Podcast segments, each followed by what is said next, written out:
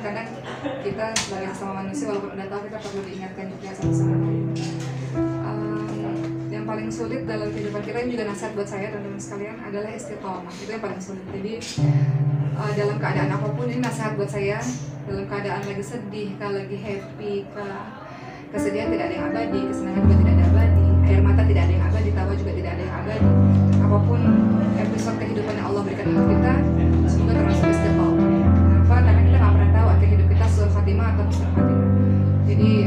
minta kepada Allah subhanahu wa taala. Bisa saja orang yang di luar sana yang udah jualan gitu ya justru dia yang husnul khatimah jadi uh, kita memandang semua orang uh, insya Allah orang yang berbuat salah insya Allah husnuzon ya husnuzon insya Allah dia. Mungkin husnul khatimah. Sehingga kita selalu merasa kurang sama diri kita. Kalau kita ngeliat orang ngeliat orang yang baik yang soleh kita terinspirasi.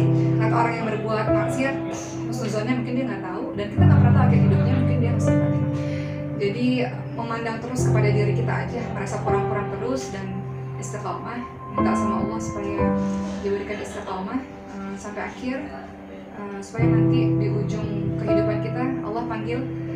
Jadi waktu melahirkan anak kedua juga itu rasanya udah hilang-hilang gitu. Jadi ayat yang diingat tuh ya ayat Tuhan nafsul mutmainnah irji'i ila